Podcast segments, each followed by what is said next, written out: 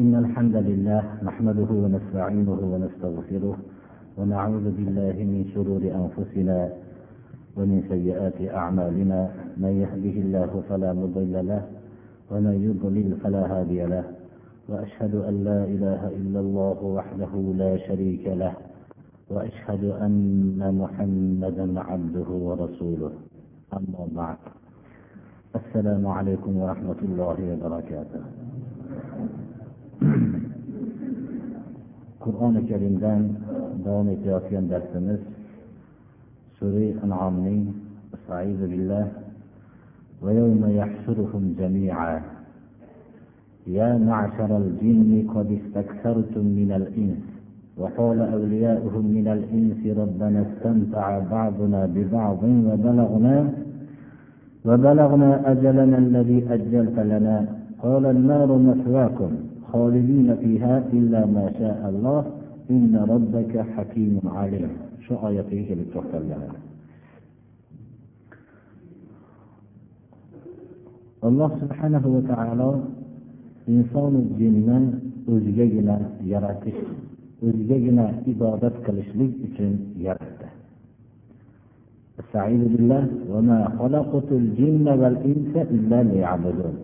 inson va jin toifasini faqat o'zimgagina ibodat qilishligi uchun yaratdim dedi.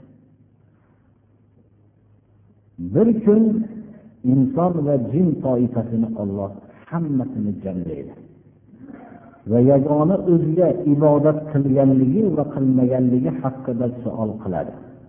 Mana bu oyat shuni bayon qilyapti. Hammalarini ya'ni insonu jin toifasini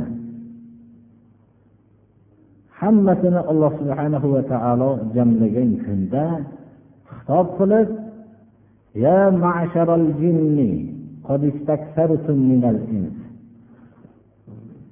Odatda insonni yo'ldan adashtiruvchi ko'proq adashishligiga sabab ko'proq jin toifasi bo'ladi. Agar bir insonlarni ichida biror bir kishini har qanday bir yaxshilikni qilganligi bilan tushuntirilsa uni hech kim bir ajablanmaydi. Ammo bir jindan haqida bir botil bir gapni gapirib qo'ysa ham odamlar shunga tamoman ergashib ketaveradi. Mana hozirgi vaqtdagi shunday bir pokiza haqiqatni gapirgan kishilarga ergashadigan odamlar kam topiladi ammo jin haqida biror bir so'zni aytiladigan bo'lsa u shahardagi odamni olloh saqlaganlari qoladiyu qolganlar hammasi shu tarafga o'tib ketadi hozirgi zamonamizda bo'lib turgan ishlar ham shu narsani mana yaqqol namunasidir. Mana bu yerda alloh subhanahu va taolo jin jamoasiga albatta jin jamoasining mana avvalgi darslarimizda aytganmiz ularni mo'minlari ham bo'ladi. Jin toifasi olloh biladi bu bizdan ko'ra ko'proq mavjudotni tashkil qiladi birodarlar. Bularga alloh subhanahu va taolo xitob qilib ey jin jamoasi juda insonlardan o'zinglarga tobelarni xo'p ko'paytirdinglar deydi. Insonlardan o'zinglarga tobelarni xo'p ko'paytirdinglar ya'ni ular zalolat yo'liga chaqirgan vaqtida jinlarga jinkashlarga bularga hammasiga ko'p odam ergashib ketdi. وقال أولياؤهم من الإنس ربنا استمتع بعضنا ببعض insonlardan bu jinlarning do'stlari ya'ni jinkashlar bular hammasi o'zlarining ko'p adashtirganligini go'yoki uzrini bayon qilganga o'xshab ey robbimiz ba'zilarimiz ba'zilarimizdan foydalandi. Mana shu narsa biz adashishligimizga adashtirishligimizga sabab bo'ldi deyishadi. Ya'ni insonning mana bu yerdagi adashishligining sababi ko'proq qo'rquv yo tashvish bo'lmaydi. Balki insonning foydalanishligi bu adashishligiga sabab bo'lib qoladi. Agar siz biror bir kishidan foydalanib qolgan bo'lsangiz uning zalolat yo'liga rozi bo'lib zalolat yo'lini ixtiyor qilib ketib qolasiz.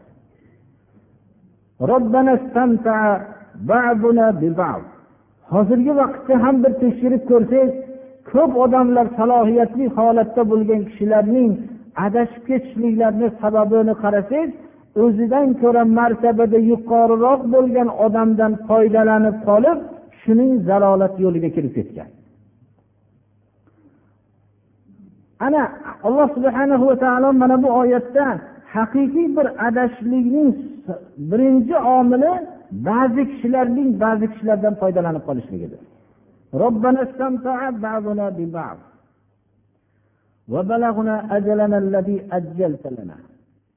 Inson biror qo'rquv yo bir musibat bilan o'ziga o'ziga kelib qoladi. O'zini o'nglab oladi. Lekin foydalanishlik hosil bo'lgan vaqtda o'limining oxirgi vaqtigacha shu dalolat yo'lida ketib qolaveradi va ular mana insonlardan bo'lgan jinlar va jin jinlarning do'stlari ya'ni jinkashlar deb aytsak bizga muhlatlangan muhlatgacha shu foydalanyapmiz deb ketaveribmiz shu yerga yetib qolibmiz deydi. Chunki mana hozirgi vaqtda ham biror bir jinkashni foydalanayotgan dunyoviy daromadi ham har qanday katta maosh olayotgan kishidan ko'proqdir birodarlar. Chunki hamma moli dunyolar shu jinkashlarga sarf bo'ladi. U manfaatning bo'lib turishligi insonni zalolat yo'lida davom etaveradida shu umrining oxirgi daqiqasigacha borib qoladi. Bu qur'on iborasi nihoyatda bir daqiq iboraki biz shu o'zing muhlatlagan muhlatgacha yetib kelib qolibmiz deyishadi. Alloh subhanahu va taolo bularning uzrini qabul qiladimi?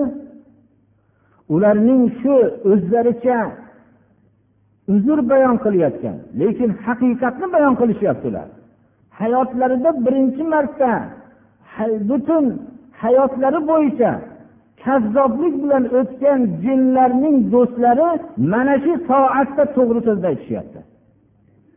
Oxiratda ya'ni to'g'ri so'z gapirishlik endi foyda bermaydigan u yerda kofir ham mushrik ham mo'min ham va jinkash ham hammasi to'g'ri so'zdan boshqa narsani aytolmaydigan soat u.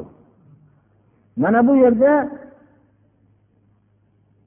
bir marta o'zining rabbini tan olyapti.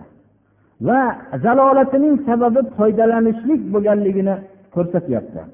Va oxirgi daqiqasigacha olloh o'zim bergan muhlatgacha adashib kelganligini bayon qilyapti. Alloh subhana va taologa bu to'g'ri so'zlari bilan aytgan uzri manfaat beradimi? Uzrini olloh qabul qiladimi? Olloh tarafidan javob o't sizlarning joyinglardir masvo masvo uzoq muddat turadigan joyni masvo deydi. Bu o'rta sizlar abadiy qolasizlar. Illa mashaalloh ollohni mashiati bilan ollohni mashiatini istisno qilinyapti biz bu yerda ba'zi bir darslarimizda aytib o'tganmiz buni illa mashaalloh ollohning mashiati davomiy mutlaq holatda qoladi. Ya'ni olloh xohlagan vaqtda har bir narsa hayotdagi qonuniyatu hammasi bekor bo'ladi. Ollohni mashiati bo'ladi. Mo'min kishi doim ollohni mashiatini hech bir narsaga bog'lanmaganligini mutlaq ekanligi doim tasavvurda bo'lishligi kerak. Mana bu odamlarni adashtirgan jin toifalari va ularga ergashgan inson toifalari bular hammasi do'zaxda abadiy ekanligida shak shubha yo'q.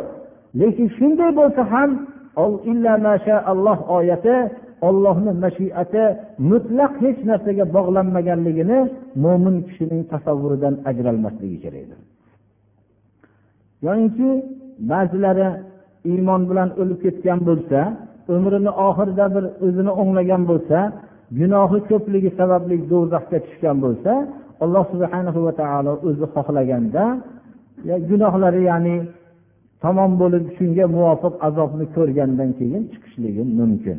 Iymon bilan umrini oxirida salohiyat bilan o'tib ketgan bo'lsa.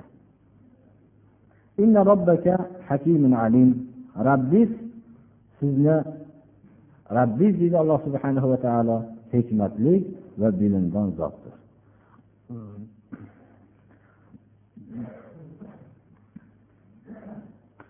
وكذلك نولي بعض الظالمين بعضا بما كانوا يكسبون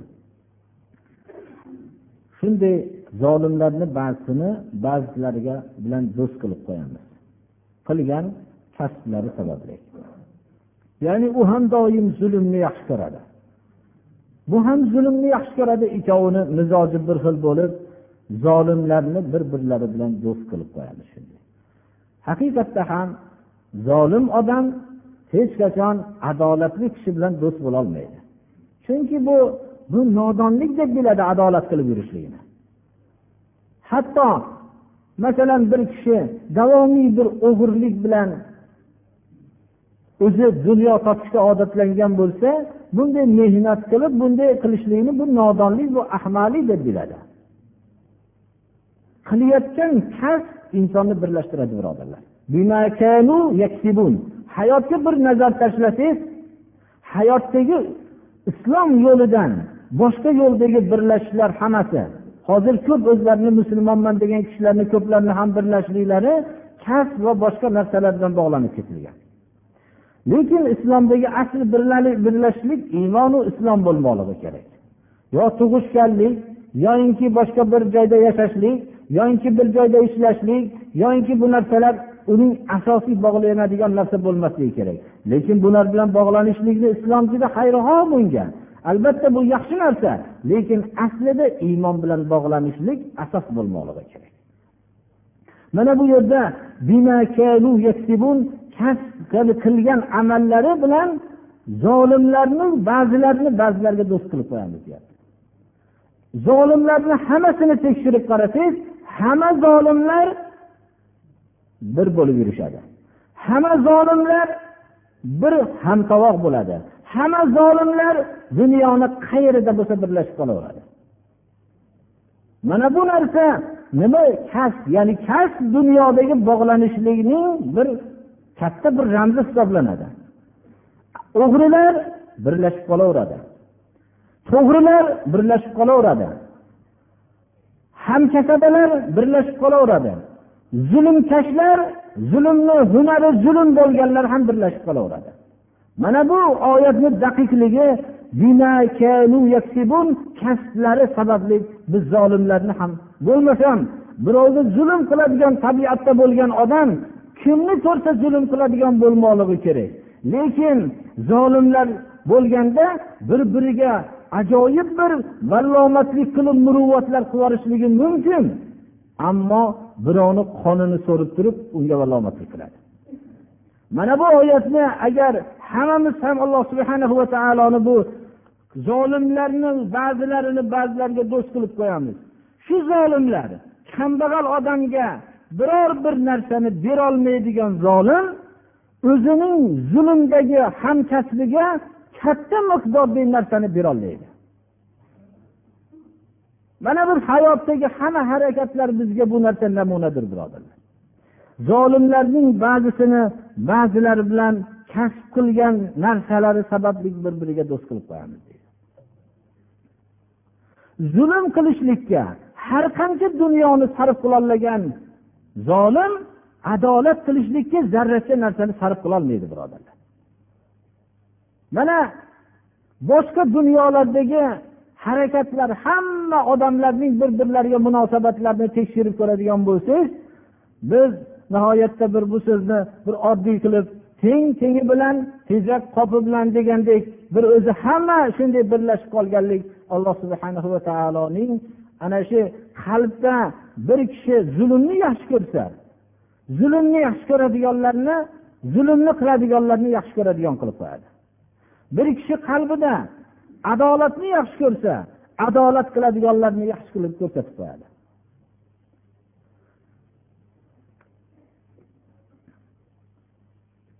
يا معشر الجن والإنس ألم يأتكم رسل منكم يقصون عليكم آياتي وينذرونكم لقاء يومكم هذا قالوا شهدنا على أنفسنا وغرتهم الحياة الدنيا وشهدوا على أنفسهم أنهم كانوا كافرين alloh subhanahu va taolo jin va inson toifasini jamoasiga xitob qiladi ey jin va inson jamoasi sizlarga o'zinglardan elchilar kelmaganmidi Sizlarga meni oyatlarimni qissa qilib o'qib beradigan elchilar kelmaganmidi? Va sizlarning mana shunday kuninglarga ro'baro bo'lishlikni bilan ogohlantiradigan elchilar kelmaganmidi? Ular javob biz guvohmiz o'zimizni zararimizga deyishadi. Kelgan bu kundan ogohlantirgan va ollohni oyatlarini tilovat qilib o'qib beradigan elchilar kelgan deb tan olishadi. Alloh subhana va taolo tarafidan ularga bir tandid bo'lyaptiki ularni hayoti dunyo mag'rur qilib qo'ygan. Shu turgan hayoti dunyo faqat hayot shu deb mag'rurlantirgan va o'zlarining zararlariga hujjat guvoh bo'lishadiki kofir bo'lganliklari bilan guvoh bo'lishadi. Shu payg'ambarlarni qabul qilmaganligi va oyatlarni qabul qilmaganligiga guvoh bo'lishadi.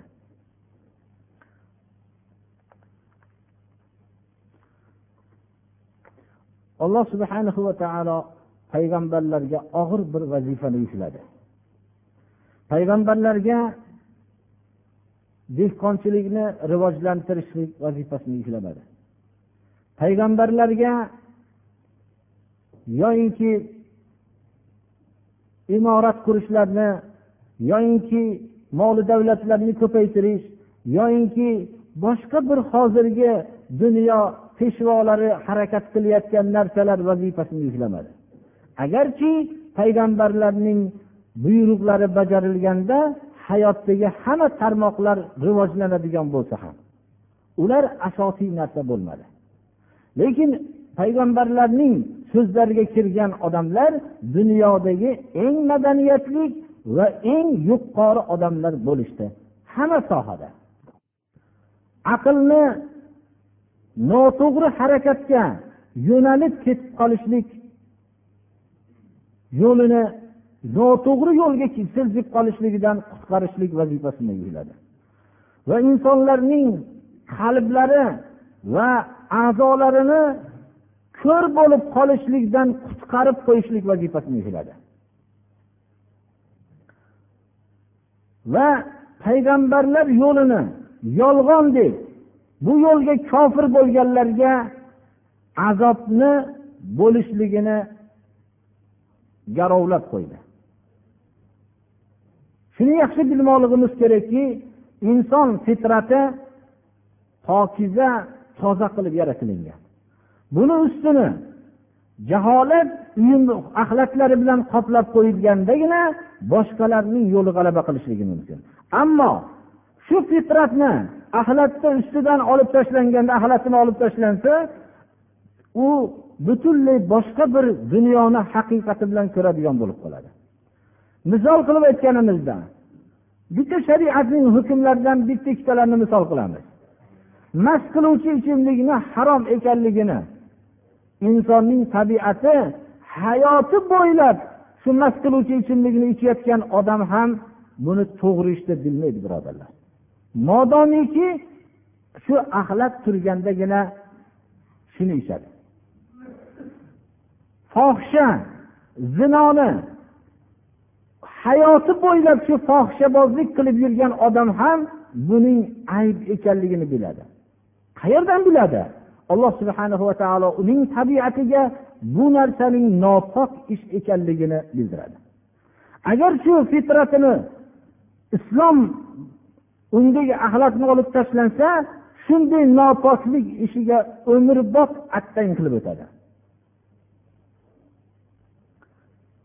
Insonning aqlini ham burilib ketib qolishlikdan saqladi islom.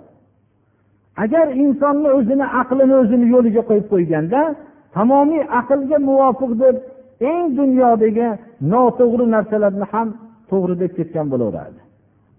Mana hozir aqliy tarafdan topilgan yo'llar hammasi o'zini ana topgan aql botilligi botil deb aytyapti mana.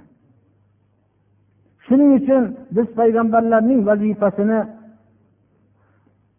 nima ekanligini bilib olishimiz kerakki bu nihoyatda og'ir vazifa va hamda eng saodatli vazifa edi. Payg'ambarlar vazifasi bunday ilmiy kashfiyotlar yoki iqtisodiy rivojlanishlikni vujudga keltiradigan bo'lishlikdan oliy vazifadir. Ular bir arzimas vazifalardir. Payg'ambarlar vazifasi agar bajarilsa ular iqtisodiy va hamda boshqa narsalar o'z öz o'zidan rivojlanadigan yo'lga tushib qolaverardi va uni maxsus rivojlantiradigan hay'atlarni qurishlikka hojat tushmasdi xuddi mana zamoni saodatda shunday bo'lgandek. Umar ibn abdul aziz davrlarida biror bir zakotni qabul qiladigan odam qolmadi. Qayerga borib zakotlarni beriladigan bo'lsa bu zakotni qabul qiladigan odam qolmadi. shunda zakotni olib borgan kishilar umar ibn abdul aziz odamlarni zakotdan behojat qilib qo'ydi degan ekanlar bizni tariximiz har doim tekshirib ko'rilsa bunday iqtisodiy boshqa tarmoqlarda rivojlangan bo'lishligida bu mana tarix bu sodiq bir guvohdir وربك الغني ذو الرحمة ولكل درجات مما عملوا وما ربك بغافل عما يعملون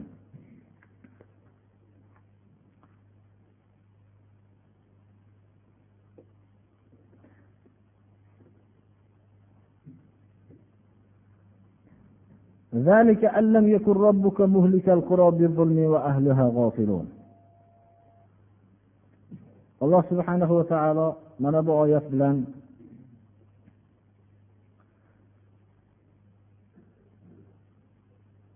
ollohni azobi mana bu yerda aytdikki albatta alloh subhanahu va taolo kofir bo'lganlarga azobni garovlab qo'ydi. Kofir bo'lgan payg'ambarni yo'lini qabul qilmaganlar albatta qiyomat kuni azoblanishadi. Va dunyoda ham azoblanishadi.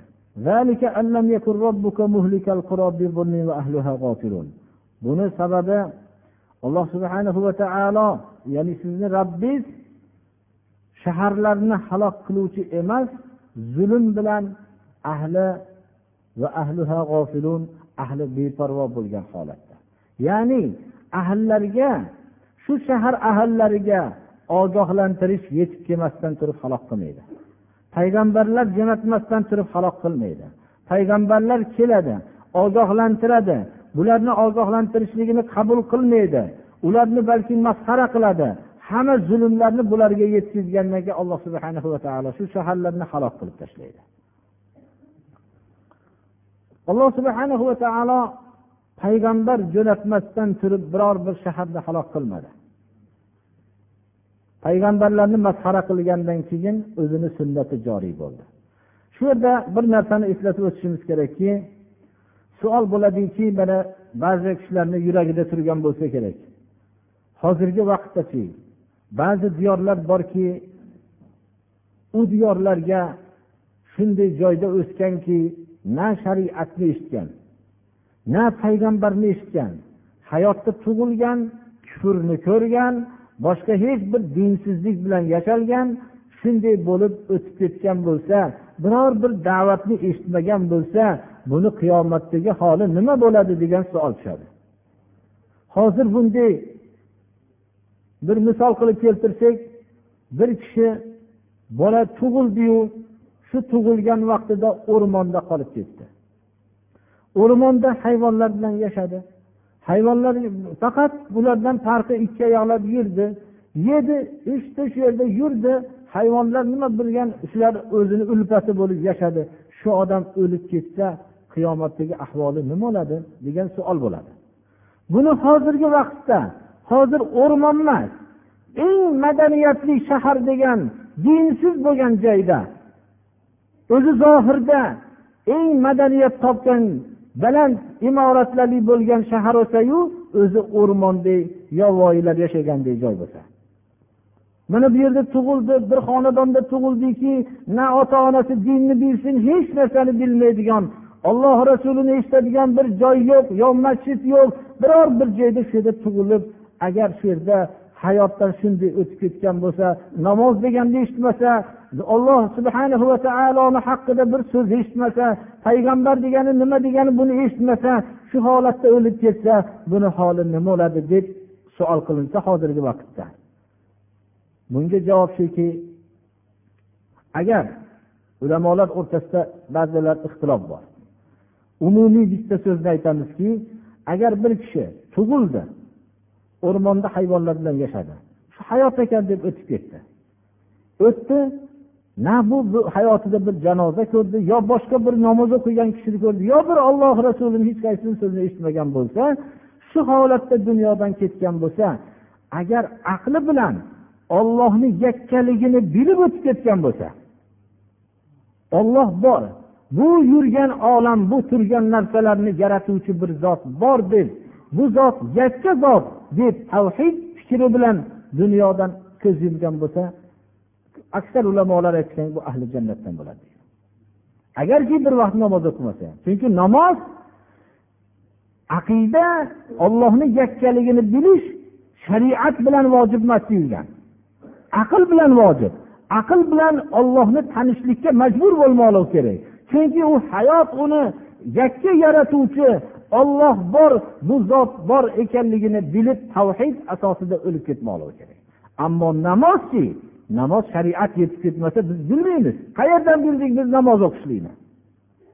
Nima uchun besh vaqt namoz o'qiymiz? Nima uchun shunday besh vaqt namozni shunday ko'rsatgan shaklda o'qiymiz? Nima uchun biz bir yilda bir oy ro'za tutamiz? Nima uchun biz molimizni qirqdan birini beramiz o'ttizdan birini bermaymiz yoki ellikdan birini bermaymiz? Bular bizga shariat yetib kelmasa aql bilan bilinadigan narsalar. Bular taabbudiy masalalar. Shuning uchun agar ollohni yakkaligini bilmasdan o'tib ketgan bo'lsa azoblanadi. Chunki alloh subhana va taolo aql bilan tavhidni bu vojib qilgan deydilar. Ba'zi ulamolar bor yo'q bunga ham risolat yetib kelishligi kerak deyishadi. Hozirgi shuning uchun ham ollohning irodasi mana har qanday dinsiz kofirlar ham kabatulloh borligini biladi. Shu yerda shu yerdan bir islom dini tarqalganligini biladi. Har qanday millatlar ham biladi. Shunday bir dini islom masjidlar xususan hozirgi targ'ibot vositalari orqali masjidlarda bir g'alati bir boshqacha amal qilayotgan bir nima deb musulmon deb ataladigan bir xalqlar borligini biladi. Unga endi u hujjat barpo bo'ladi. Uni uzri yo'q endi odamda. U odam albatta bilmoqligi kerak. Endi u musulmon diyorida tug'ilganlar musulmon oilada tug'ilganlarning mutlaqo uzri yo'qdir alloh subhana va taolo shaharlarni halok qiluvchi emasmiz zulm bilan ularning ahli ollohning risolatidan g'ofil bo'lgan holatda halok qiluvchi emasmiz deyapti.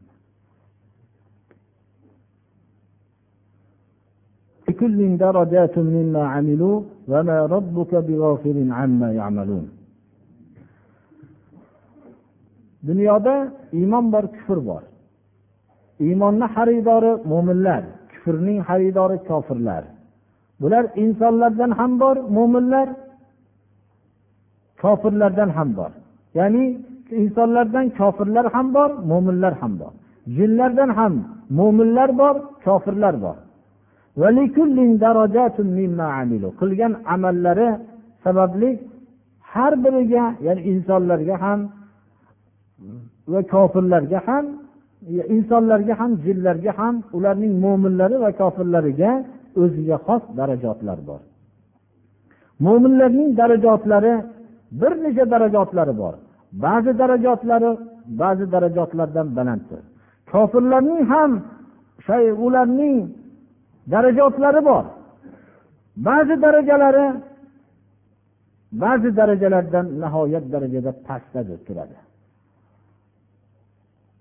Ba'zilari do'zaxda oyog'ini tagiga qo'ygan cho'g'dan cho'g' qo'yilgan holatdagina bo'lsa eng ozi eng oz do'zaxda azoblanadigan odamning holati ikki tovoniga do'zax cho'g'idan qo'yib qo'yiladi uning ta'sirida miyasi qaynab turadi. Eng yengil azoblanayotgani shu bo'lsa undan pastroqda azoblanadigani uni olloh o'zi biladi.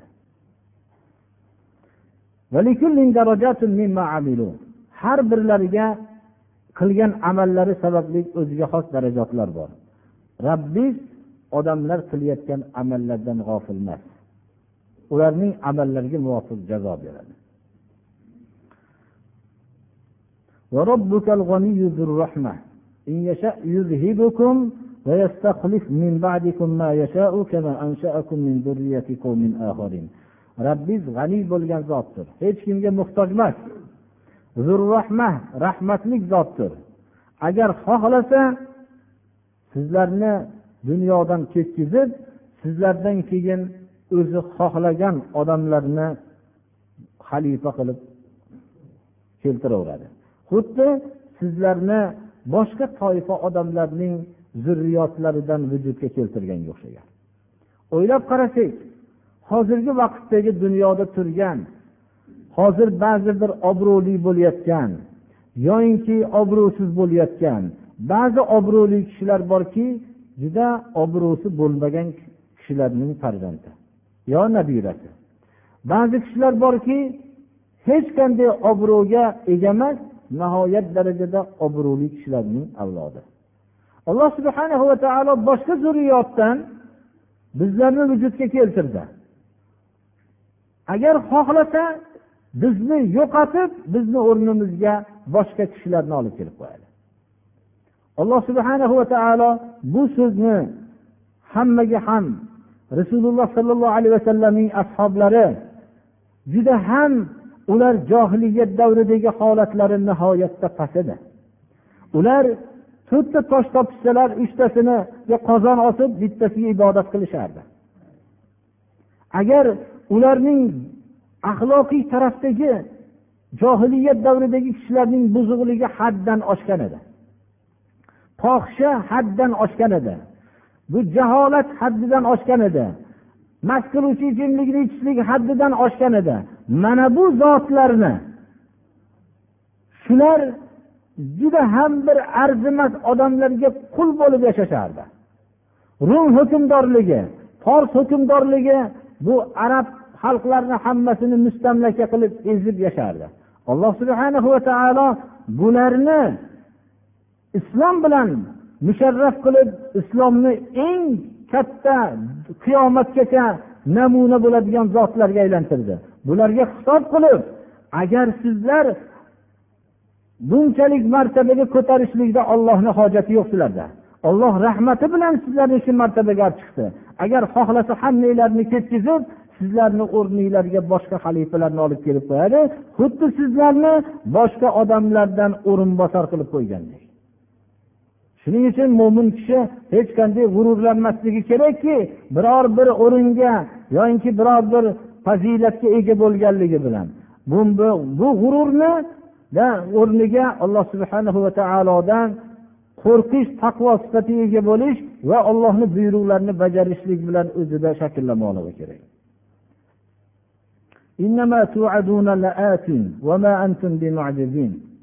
Kofirlar rasululloh sollallohu alayhi vasallamga xitob qilishardiki aytke shu azobingni aytke bizlarni hozir halok qilib tashla deyishardi xuddi hozirgi vaqtdagi odamlarni ham biror bir haqiqatni tushuntirmoqchi bo'lsangiz u haqiqatni tushunishga javob topolmagandan keyin oxirat haqida do'zax jannat haqida gapirsang shu albatta aytadiki sen azobingni menga aytga hozir deydi.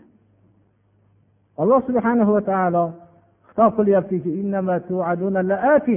sizlarga va'da qilingan narsalar albatta keladi bunda shak shubha yo'q. U vaqtda sizlar bundan qutuluvchi emassizlar. Hech qachon qutula olmaysizlar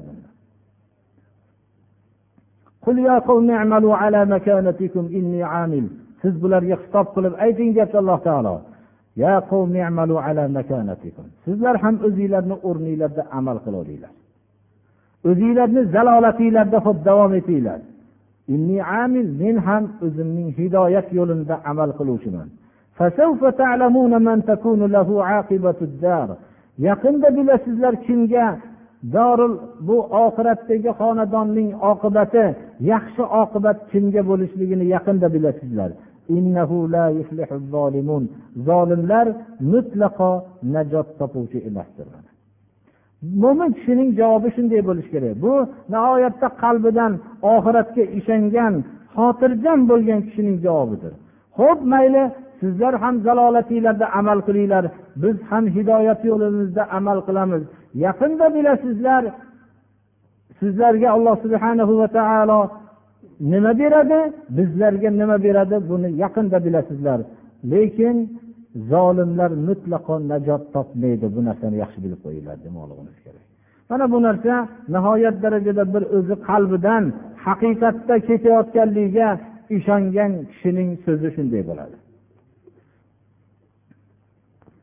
Juda bir birodarimiz haligi chilla haqida bir savol qilgan bo'libdi.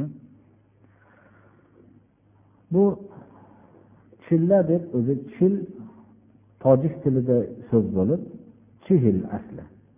Chihil bu qirq degani. Chihil degan so'z chihil degani nima bu nima turda degani ham bo'lishi mumkin lekin chihil deyilsa qirq degani bo'ladi. Uni o'zgartirib chilla deb qo'yilgan chilla deb juda savol qilsa endi javob bermasak bo'lmaydi. Ba'zi kishilar masalan o'zi bir izora ibodat qilishlik uchun qirq kun o'tirishlikka harakat qiladi. Ba'zi bir kishilar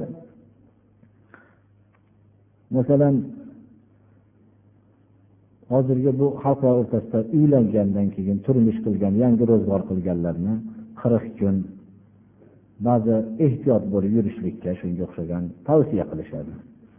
Bu narsa biz alohida bir oyat hadislarda bu narsa yo'q birodarlar. Lekin bir narsa hayotidagi yo'nalishlikni boshqa turga o'tkazayotgan vaqtda qirq kun ehtiyot bo'lish bu zarar qilmaydigan narsa. Bu bir ibodat yo boshqa narsa deb o'ylamasligimiz kerak. Masalan hayot yo'nalishi tubdan o'zgaryapti. Aytaylik ko'chaga chiqmaslik uchun o'zini tarbiya qilishlik uchun shu qirq kun bir takror qilish yo boshqa narsa bilan o'zini bir tarbiya hayot yo'nalishini o'zgartiryapti. Shunda bir qirq kun buni asli shu yerdan kelib chiqqan joyi yana ba'zi bir kishilar qirq kun degan narsa yo'qmikin degan narsa bo'lib qolmasligi uchun keltirib aytamiz. Rasululloh sollallohu alayhi vasallam bir sahobalardan bir kishini ko'rdilar va ribot o'zini olloh yo'liga bog'ladi. Ya'ni shu men olloh yo'lida o'ttiz kun o'zimni shu ollohni yo'liga tikdim. Nima ollohni buyrug'i bo'lsa qilaman deb hech qaysi boshqa o'zini shaxsiy ishlarimdan voz kechdim deb bog'lagan kishi. Shuni so'ra ribot deydi. O'zini bir kechayu bir kunduz ollohni yo'liga bog'lash bu dunyoyu va dunyodagi hamma narsadan yaxshiroqdir sahoblar bu sahobalar bunda musobaqa qilishardilar.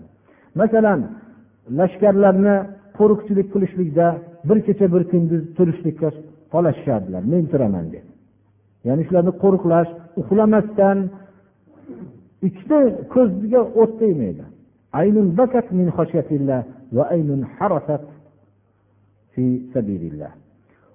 Ollohdan qo'rqib yig'lagan ko'zga ham bu o't tegmaydi. Va ollohni yo'lida qo'riqchilik qilgan ko'zga ham bedor bo'lib chiqqan ko'zga ham bu o't tegmaydi degan hadislar bor. Shunda shu sahobaga so'radilarki dedilar. Nechi kun bo'lding bu ribot? Ya'ni o'zingni ollohni yo'liga bog'lagan nimangda nechi kun bo'lding? deganlarda o'ttiz kun dedilar. Zid ashrah deganlar. O'n kun qo'shib qo'ygan dedilar. Shu qirq kun bo'lib qoldi. Shundan ba'zi bir mumkinki men bu o'zimni fikrim bilan aytyapman. Bu hadis sharifni bor bu narsa. Shunda shu hadisi sharifni mazmunidan mabodo biroz bir hurmatli kishi bir kishini shu narsadan misol qancha bir o'zingni takror qilib o'zingni qur'onni takroriga yo darsga qattiq berilding desa o'ttiz kun degan bo'lsa o'n kun qo'shib qo'ygin.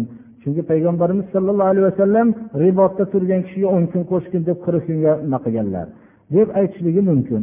Shuning uchun jamoat tablig jamoasi ham qirq kunga ollohni yo'lida chiqishlikka o'rgatishlikni aslini ham mana shu yerdan olgan bo'lsa kerak allohu alam. Ya'ni qirq kunda inson o'zini bir hayotning yo'nalishidan ikkinchi bir yo'nalishga chiqqanda qirq kunda shunda chiniqonlashligi mumkin degan asosni shu hadisdan olingan bo'lsa kerak allohu alam. Asos shundan iborat bo'ladi. Undan tashqari mumkin bu fan olimlari boshqalar tekshirib ko'rishsa bir kishini ikkinchi bir muhitdan ikkinchi muhitga. Masalan aytaylik bir odam dinsiz bo'lib yurgan deylik alloh saqlasin namoz o'qimagan. Shu odam qirq kun o'zim jamoat bilan namoz o'qiyman deb shu harakat qilsa shu bilan bir martabaga chiqadi va shu bilan yana boshqa hadislar ham borki qirq kun haqida rasululloh sollallohu alayhi vasallamdan allohu alam qaysi bir kishi qirq kun besh vaqt namozni jamoat bilan o'qisa uni qalbidan nifoq ko'tariladi deganlar. Shu narsalar shu sonlarga asosan ba'zi narsalarni qirq kunga bog'lash. Endi bundan kelib chiqmaydiki hamma narsani qirq kunga bog'lab ketaverishlik. Va unda bir jaholatga o'xshagan narsa qilib olishlik bo'lmasligi kerak. Masalan turmush qilgan odamlar qirq kun o'zini ehtiyot qilish va boshqa narsa desangiz sahob diniy ish chiqib qolgan vaqtida sahobalardan hanzola roziyallohu anhu uylangan kunlari shahid bo'lganlar. Uylangan kunlarida shu uylangan kunlarida jangga e'lon bo'lgan vaqtda ollohni buyrug'i tahir bo'lmasin deb g'usul qilmagan holatda chiqib ketganlar. Chiqib ketganlaridan keyin shu jangda shahid bo'lganlar. Hanzala roziyallohu anhu ko'rinmay qolganlaridan keyin shunda jo'natdilarki payg'ambarimiz sallallohu alayhi vasallam bir kishini boringlar hanzala falon quduqni bo'yida u kishini maloikalar yuvib qo'ygan dedilar. Bordilar borsalar haqiqatda hanzala roziyallohu anhu ho'l holatda yuvilgan holatda turibdilar. Ko'tarib keldilarki u kishiga vahiy bo'ldiki hanzala roziyallohu anhuni shu maloikalar yuvganlik xabari. Shunda oilalaridan so'raganlarda oilalari aytdilarki g'usul qilmagan holatda chiqib ketgan edilar shunday xabarni berdilar bu narsa bir narsani tushunishlik ko'r ko'rona bo'lmaslik kerak. Hali aytib o'tganimizdek payg'ambarlarning vazifasi ko'zlarni va qalblarni ko'r ko'rona tushunishlikdan ozod qilishlik uchun vazifalari bor. Bir narsani biz tushunganimizda ko'r ko'rona tushunmasligimiz kerak bir narsani. Uning mohiyatini nihoyatda diniy mohiyatini hamma tarafini tushunmoqligimiz kerak. Mana bu narsa shuni ko'rsatadiki demak bir kishi hayotining bir yo'nalishi aytaylik dinsiz holatda namoz o'qimay yursa qirq kun jamoat bilan o'qilishlik bilan qalbidan nifoq ko'tariladi deganlar. Umumiy bu so'z bu. Faqat yangi namoz boshlagan kishiga nisbatan emas. Mana bu narsalar shu qirqga bog'langanligini siri shu bo'lsa kerak. Bundan kelib chiqmaydiki hamma narsani qirqtaga bog'lab ketaverishlik to'g'ri kelmaydi. To'g'rimi?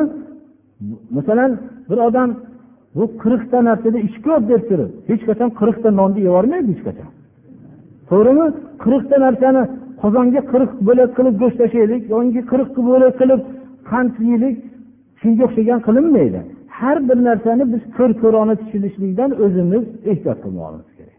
Bir odamni qirqta ish ko'p ekan qirqta libosi bo'lishi kerak yoki qirqta bunisi bo'lishi kerak deb ketilaverishlik bu ko'r ko'rona tushunishlikdir asoslar mana bu narsa islom haddan tashqari yuqoriga ketish va haddan tashqari past ketishlikdan salomatdir.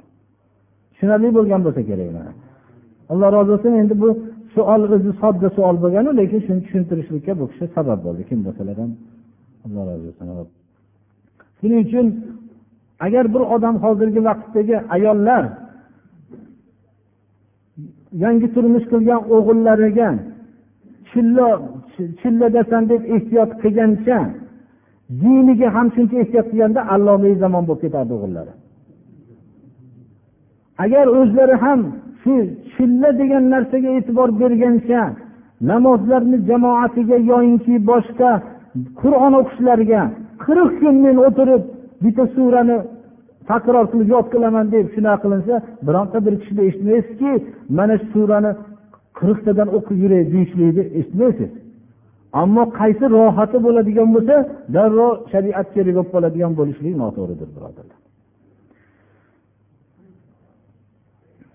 Alloh taolo dardlariga shifo bersin shifoi tomla bersin. Allohu akbar. Bir duo qilib qo'ymoqchi edim o'zim g'oyibona ko'pchilikni duo qilgan bo'ldik. Alloh subhana va taolo bizlarga bir hamdardlik qilib yordam berayotgan birodarlarni alloh taolo o'zi duo qilishlikdan boshqa narsa bilan biz qaytara olmaymiz. Alloh subhana va taolo ajri azim bersin va alloh subhana va taolo dini islomga xizmat qiladigan kishilardan qilsin va olim bo'lsin farzandlari ham o'zlari ham mujohid kishilardan bo'lsin taqvo sifatiga ega bo'lsin. Alloh subhana va taolo dini dunyoda xor bo'lmasligini alloh taolo nasib qilsin. Alloh subhanahu va taolodan taqvo qilishlikka vasiyat qilaman. Allohdan taqvo qilishlik allohni huzurida eng mukarram bo'lishlikka sabab bo'ladi. Islom adolatga buyurgan. Ulamolar shunday deyishgan ekanlarki qaysi bir narsa adolat bo'lsa shu islom. Islom tamomiy adolat. Ya'ni adil degan narsani har bir narsani tekshirib ko'rmoqligimiz kerakki shu adolatligi muqarrar bo'lgan bo'lsa bu islomdan hisoblanadi. Agar bu adolat bo'lmaydigan bo'lsa zulm bo'lsa buni aksi u islomdan emas. Rasululloh sollallohu alayhi vasallam birinchi ollohni arz soyasida bo'ladigan yettita toifani birinchisini ham adolatlik imom dedilar imom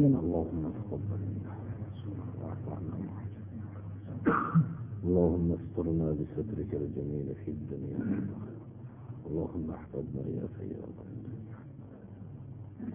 اللهم إنا نسألك العفو والعافية في الدين اللهم إنا نعوذ بك من الكفر والفقر والجبن والكسل ومن فتنة المحيا ومن فتنة الممات ومن فتنة المسيح الدجال ومن فتنة عذاب القبر أما قدرنا